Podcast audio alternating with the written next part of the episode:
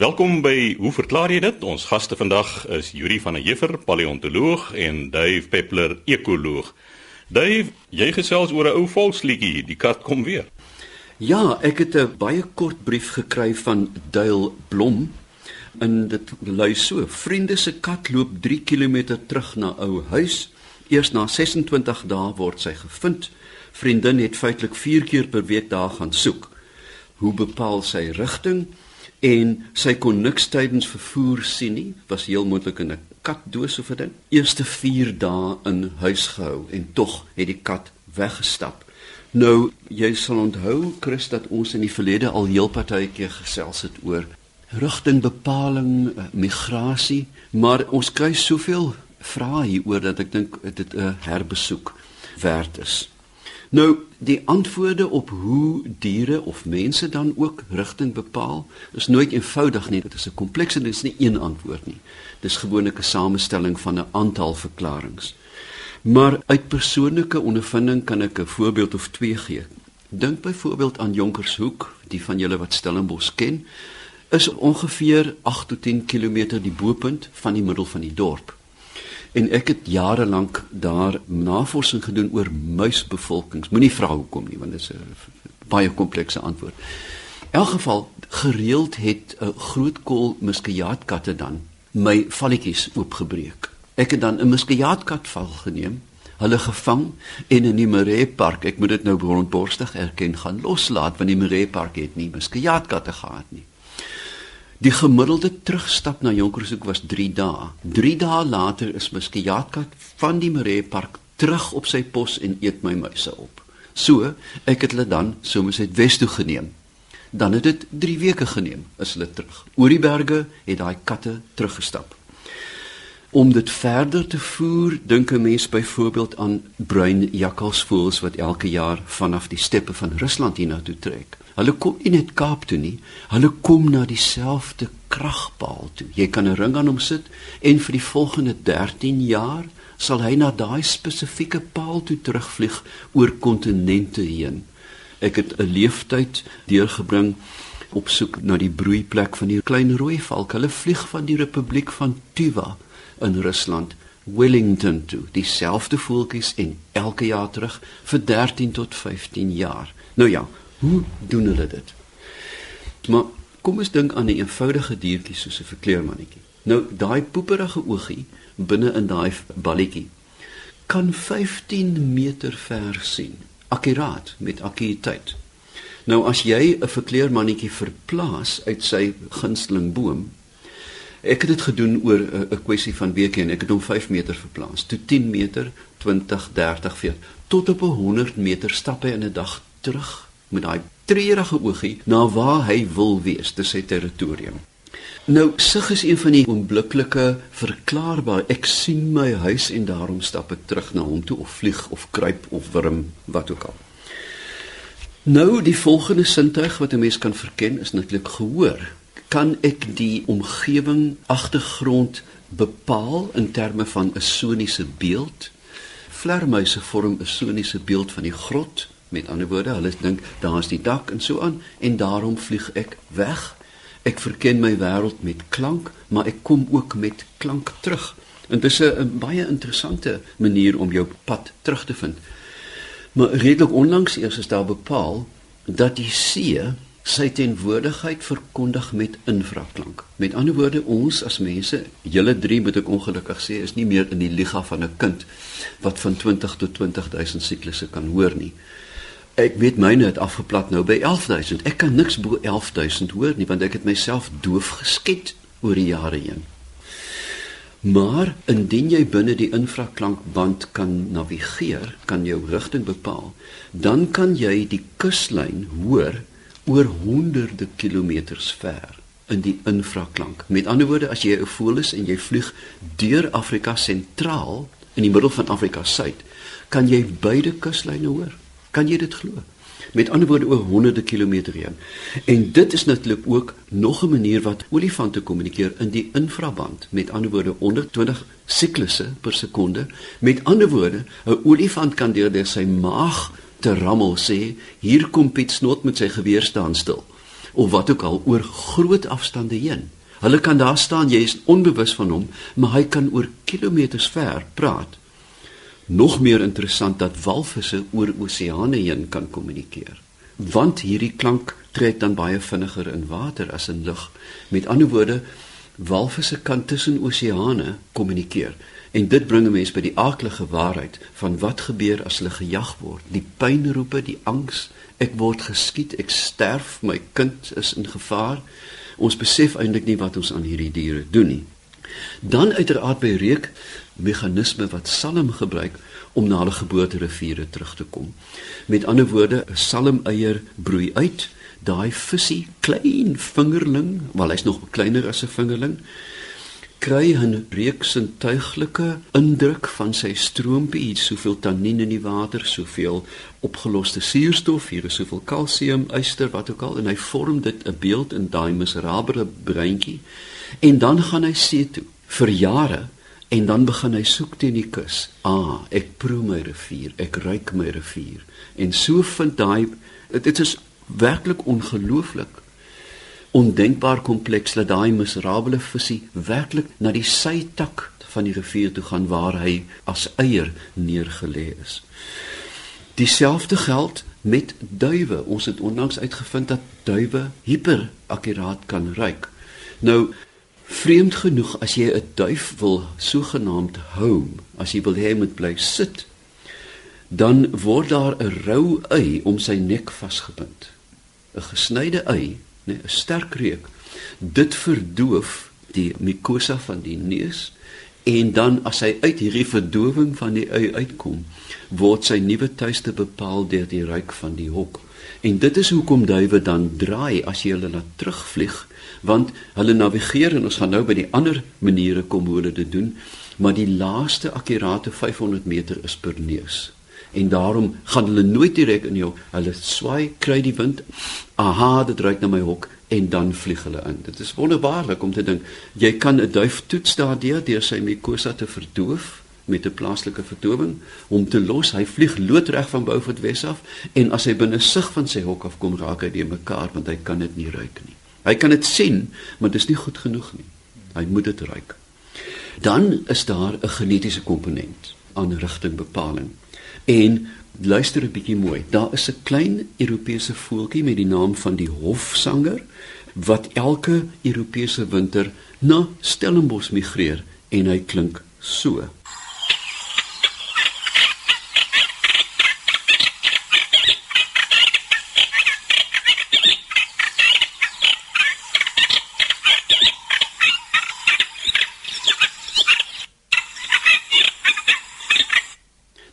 Ek sal dit nou nie noodwendig 'n mooi liedjie noem nie, maar dit is tipies rietsanger, ons Afrika rietsanger klop klop klop klop klop. Nou hulle kom hoofsaaklik uit Wes-Europa en Engeland. Nou vorm goue beeld kyk noord en dink aan Engeland en Europa. Engeland lê linksbo en Europa lê regs. Nou dink aan 'n voeltjie wat uit Engeland uitkom. Hy moet dan sien hy kom van Londen af, hy moet suid vlieg en dan moet hy na links draai om oor die Engelse kanaal te vlieg en dan suid. Maar 'n voeltjie uit Duitsland moet regs draai en dan suid. Met ander woorde, hulle moet in teenoorgestelde rigtings draai om by Gibraltar uit te kom neem 'n wyfie uit Engeland, neem 'n mannetjie uit Düsseldorf. Paar hulle in Frankryk tussen die twee, laat die kleintjies uitbroei en die kleintjie vlieg in die Atlantiese Oseaan in en verdrink. Sy gene sê vir hom, hy moet erns tussen links en regs moet hy draai om by Gibraltar uit te kom. Dit is 'n verstommende absoluut verstommende genetiese bewys van die krag van die gene wat vir hom sê hoe hy moet draai om sy te kom. En so is dit selfmoord want hy weet nie hy's gedrewe om 'n pad tussen wat sy ma en pa gevlieg het te volg. Gevolglik dan met baie lang afstand migrasies soos byvoorbeeld die poolvoëls wat tussen pole migreer, is daar 'n baie sterk genetiese komponent. Ek moet suidvlieg En dan kom die kombinasie in van ek moet ook luister na die kus, ek moet ruik na die omgewing, ek moet sig gebruik. Ons kom terug na sig. Nou is daar natuurlik die son en die maan en die sterre soos Columbus gebruik het. Baie voels vlieg deur die nag en Sou jy in 'n windtunnel sit met 'n planetarium daarbo, kan jy hulle rigting in die windtunnel begin verander deur hulle verwysingsveld te verander bo hulle. As jy skielik kantel daaraan gaan hulle begin links draai, want hulle kyk daai piepklein oogie kyk na die sterre. Ook so met die maan, maar as hulle bedags vlieg, het hulle uiteraard nie sterbeelde nie en dan gebruik hulle die polarisering van die son. Met ander woorde, hulle dra nog Ray-Bans ook, jy verstaan, want die goed word gepolariseer. Nou kan jy begin dink die komplekse model wat diere gebruik om rigting te vind. Dit is sterre, maane, die wind, die magnetiese oriëntering van die aarde. Dit is 'n baie baie komplekse model. Hoe doen mense dit? Want in die ou dae, nou ja, nou begin ons raak aan evolusie, Yuri uh, flikker op dat voor daar GPS en kompasse was, moes mense hulle omgewing baie knap beskou het. Hoe anders of bereik het. Nou, dit is onlangs getoets. Mense is in 'n CAT, CAT scanner gesit met ander woorde jy lê en hulle kan dan die brein se aktiwiteite met 'n flikkergram verbeel. En nou kan jy 'n klein TV-skerm sit van 'n kamera in 'n motor wat 'n pad afry. Nou sit jy 'n man daar en sê vir hom, onthou waar jy is die man om die draai dis 'n vreemde pad wat hy gewys word en dan kan jy dit terugspeel. Jy kan vir hom sê hoe vind jy jou pad terug? en na die breinaktiwiteit kyk en dit dan verbind aan sekere elemente binne die beeld wat hy gesien het wat hom geïnteresseer het. Hoe navigeer mans? Hulle kyk na grootte en hoeke. Met ander woorde groot klip regs klein boontjie links. Doen dit met 'n vrou en die absoluut teenoorgestelde gebeur. Hulle kyk na teksture en kleur, modekreature wat hulle is. Hulle sê daar was 'n pinkerige blom. Die mans kyk glad nie pink nie. Hulle sê dit was 'n groot klip. Met ander woorde, ons het die geslagte selfs het onderskei tussen hoe hulle navigeer. 'n Pragtige voorbeeld hiervan is hoe dit kan gebruik word is die oorspronklike inwoners, die Aborigines van Australië. Nou hulle het dit is deur Bruce Chatwin baie netjies beskryf die sogenaamde song lines. 'n oorspronklike inwoner tot vandag nog kan van Darwin na Melbourne toe stap deur 'n lied te sing. Nou loop ek na die groot doringboom met die skewe bas en dan is die klip op die regterhand. Dit bevat 10 duisende woorde wat hulle memoriseer en dan sing hulle die liedjie oor die kontinent. Dis dit nie verstommend nie.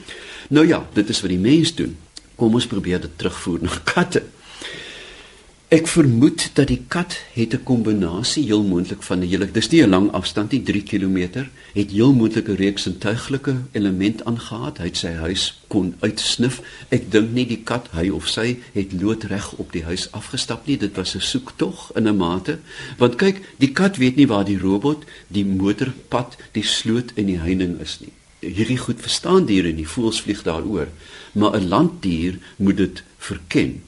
Ons weet byvoorbeeld dat uh, luiperds jare gelede het ons departement die eerste radiotelemetriese verkenning gedoen. Ons het 'n luiperd by Kaap Hangklip 'n radio aangesit en in 2 jaar het hy 2 maal Cederberge toe gestap en terug. Dit was sy tuisgebied oor paaie, tonnels, brûe ensovoorts.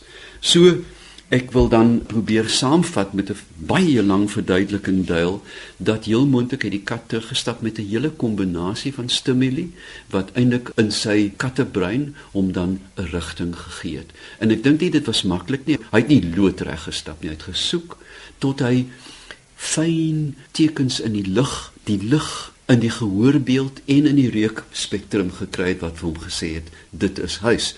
Hoe lank moet jy hom hou? Gewoonlik vra mense dat jy 'n kat of 'n hond ten minste 'n week moet tuismaak en om dan ook 'n bietjie bederf met lekker kossies, lekker water, gaan stap en kom terug, maak die stap plesierig. Gee hom ook geleentheid om uit te gaan aan 'n leiband, maar kom terug. Dra jou kat in 'n harnas na die buurman toe, gaan drink tee en dra hom terug en sê vir hom dit is jou huis. So gesels Dave Peppler, ons ekoloog, Juri van der Heever, ons paleontoloog. Yuri, jy het so 'n bietjie terugvoer oor vorige programme en dan gaan jy ook gesels oor 'n osterhoring.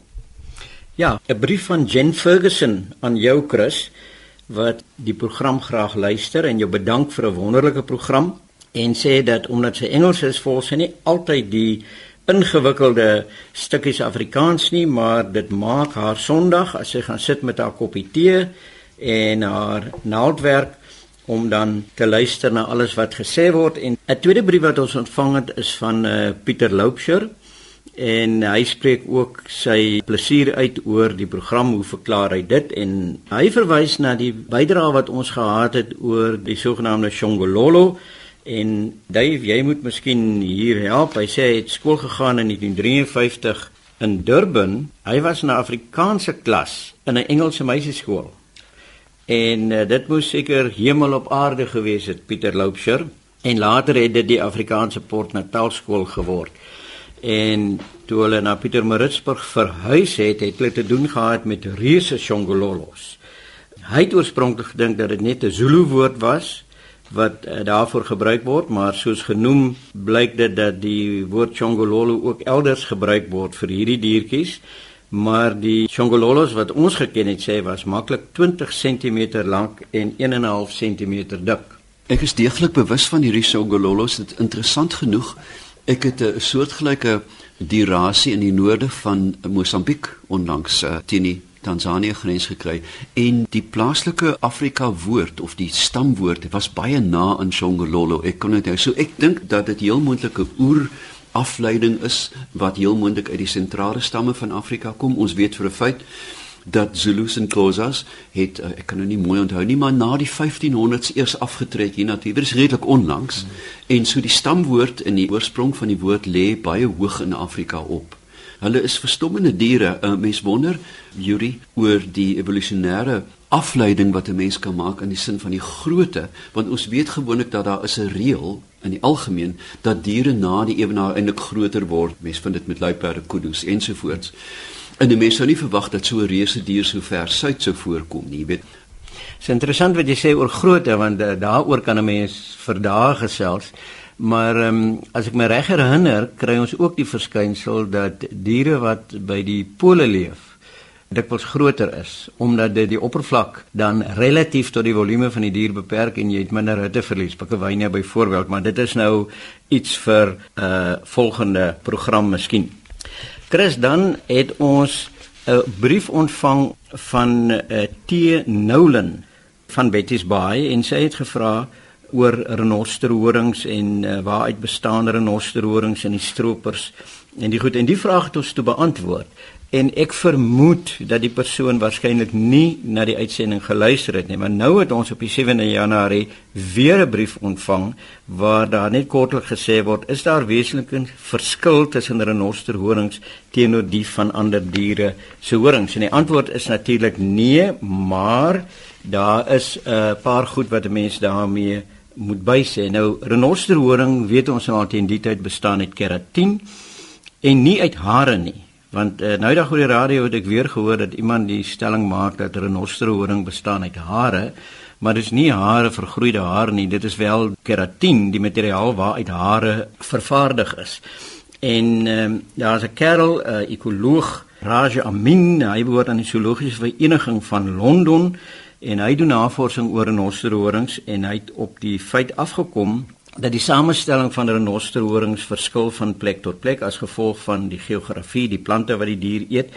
En hy beweer dat hy renosterhoring kan analiseer en dat dit amper soos 'n vingerafdruk werk sodat wanneer 'n renosterstroper gevang word met horing, dan kan die horing geanaliseer word en hy kan ten minste sê uit watter gebied die horing kom. Nou hulle weet ook vandag dat daar uh, kalsiumafsettings in renosterhorings is. Dis so 'n sentrale pilaar amper van uh, kalsiumafsettings en melanien. Nou die melanien dien om die ultravioletstrale te beperk sodat die renosterhoring nou nie afbreek nie.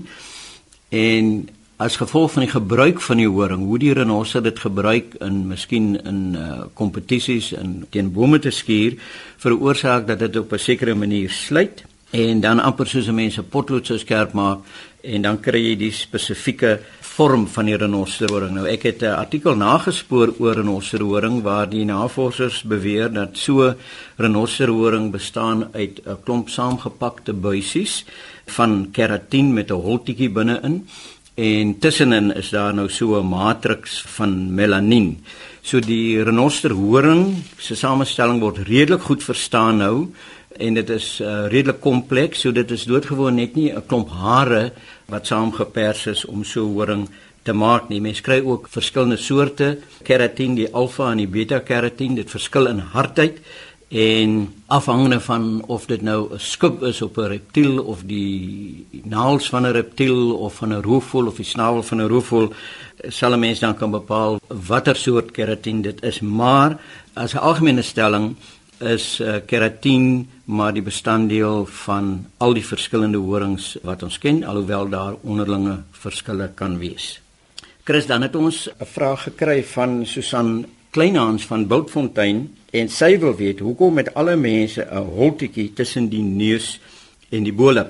Nou die holtetjie tussen die neus en die bollip, dit staan bekend as 'n filtrum en hy het 'n hele geskiedenis. Susan, as 'n mens na iemand se bollip kyk en jy kyk in die bo-rand van die bollip, my kollegas hier is nou almal behaard, so ek kan nou nie hulle lippe beskou nie.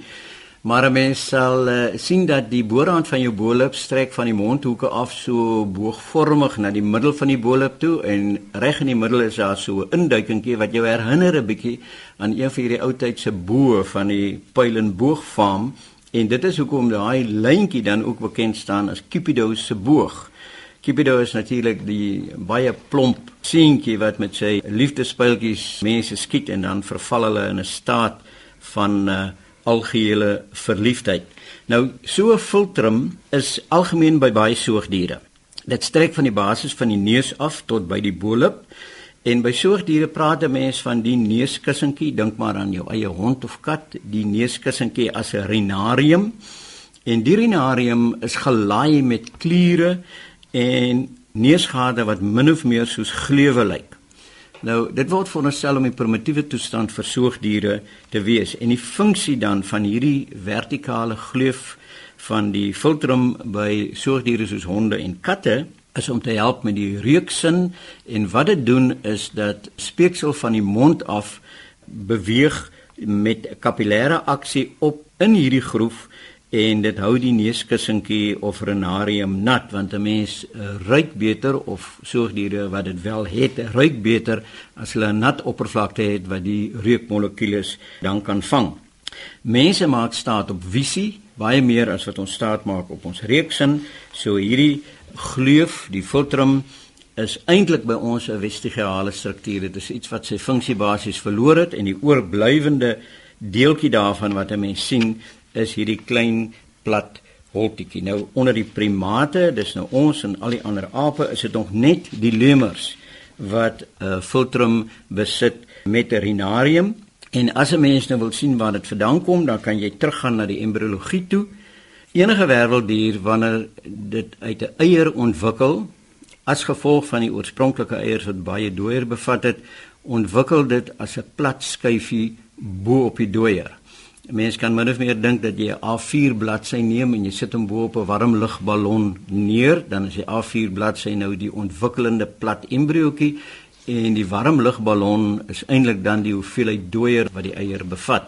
Die gevolg is dat so ontwikkelde embriootjie kan nie in die ronde ontwikkel nie soos 'n buis nie. Aanvanklik ontwikkel dit plat tot die meeste van die dooier opgebruik is en dan krul die onderpunte in asof jy nou daai A4 vel neem en jy draai hom na die binnekant toe om sodat jy dan 'n opening voor en 'n opening agter kry wat basies is wat 'n mens is. So die strukture van die kop en die skedel word gevorm uit eers plat en dan uiteindelik moet dit ingevou word om so 'n ronde struktuur te vorm. En as dit nie reg gebeur nie, dan is die verhemelte en die filtrum en al die goed kom dan in die gedrang en jy kan eindig met 'n gesplete verhemelte of 'n gesplete lip wat populêr altyd na verwys word as 'n haaslip. Dis tog boeiend Yuri dat uh, Spina bifida is ook aan dieselfde ja. ontwikkelingsfoute onderhewig, nê? Nee? Met ander woorde haaslip en Spina bifida het dieselfde ontwikkelingsagtergrond. Ja, dis heeltemal so want uh, ons sentrale senuweestelsel, die brein en die rugmerg ontstaan uit epidermis, uit die buitenste laag van die embrio. En op een of ander stadium moet dit insink na binne toe. Dit vorm so 'n gleuf wat dan insink en dan toevou om nou jou dorsale neuraalbuis aanvanklik te vorm en as dit in die lae rug nie volledig gebeur nie, dan is daai stukkie senuweeweefsel oop, spina bifida, met ander woorde jou spinaalkoord is dubbel. En in erge gevalle lei dit tot vroeë dood omdat baie van die ontwikkeling in hierdie geval te doen het met induksie. Sodat wanneer die neuraalbuis eers volledig ontwikkel dan ontwikkel die spinaalsenuwees en as dit nie gebeur nie het jy nie spinaalsenuwees nie. So sulke babas wat dit erger spina bifida het het dan gewoonlik geen senuweebeheer oor die onderlyf nie. En dan kan 'n mens natuurlik ook daaraan dink dat sommige mense word gebore sonder 'n filtrum en hulle het gewoonlik 'n plat dun bolop en dikwels is dit geassosieer met fetale alkoholsindroom. Daar is ook 'n verdere sindroom wat deur twee vermoedelik Duitse navorsers ontdek is. Dit is die Prader-Willi sindroom waar daar ook nie 'n filtrum is nie en dis baie erge gevolge vir so 'n persoon. Dit lae spiertonus is gewoonlik 'n baie kort mens, onvolledig seksueel ontwikkel kognitiewe gebreke, kroniese gevoel van honger, so jy lei baie keer tot vetsig, maar mense wil nie op so 'n noot afsluit nie. So interessant genoeg is daar in die Joodse mitologie ook iets oor die filtrum. Sekere van die Joodse gelowiges glo dat die engel van konsepsie of bevrugting met die naam Leila, dit beteken nag in Hebreëus, elke baba aanraak onder sy neus met die vinger en dan so die filtrum, die holtetjie daar druk en dit veroorsaak dat die baba dan die Torah vergeet en dan van vooraf weer moet leer, maar dis nie 'n algemeen aanvaarde verduideliking nie, dit word nêrens in die Joodse tekste beskryf nie, maar daar is tog seker is van die Joodse gelowiges wat hierdie mooi stukkie mitologie glo. So Susan, dit is al wat ons het oor die filtrum. En dit was Yuri van der Heever, ons paleontoloog. Skryf gerus aan ons by hoe verklaar jy dit? Posbus 2551 Kaapstad 8000 of stuur 'n e-pos aan chris@rsg.co.za.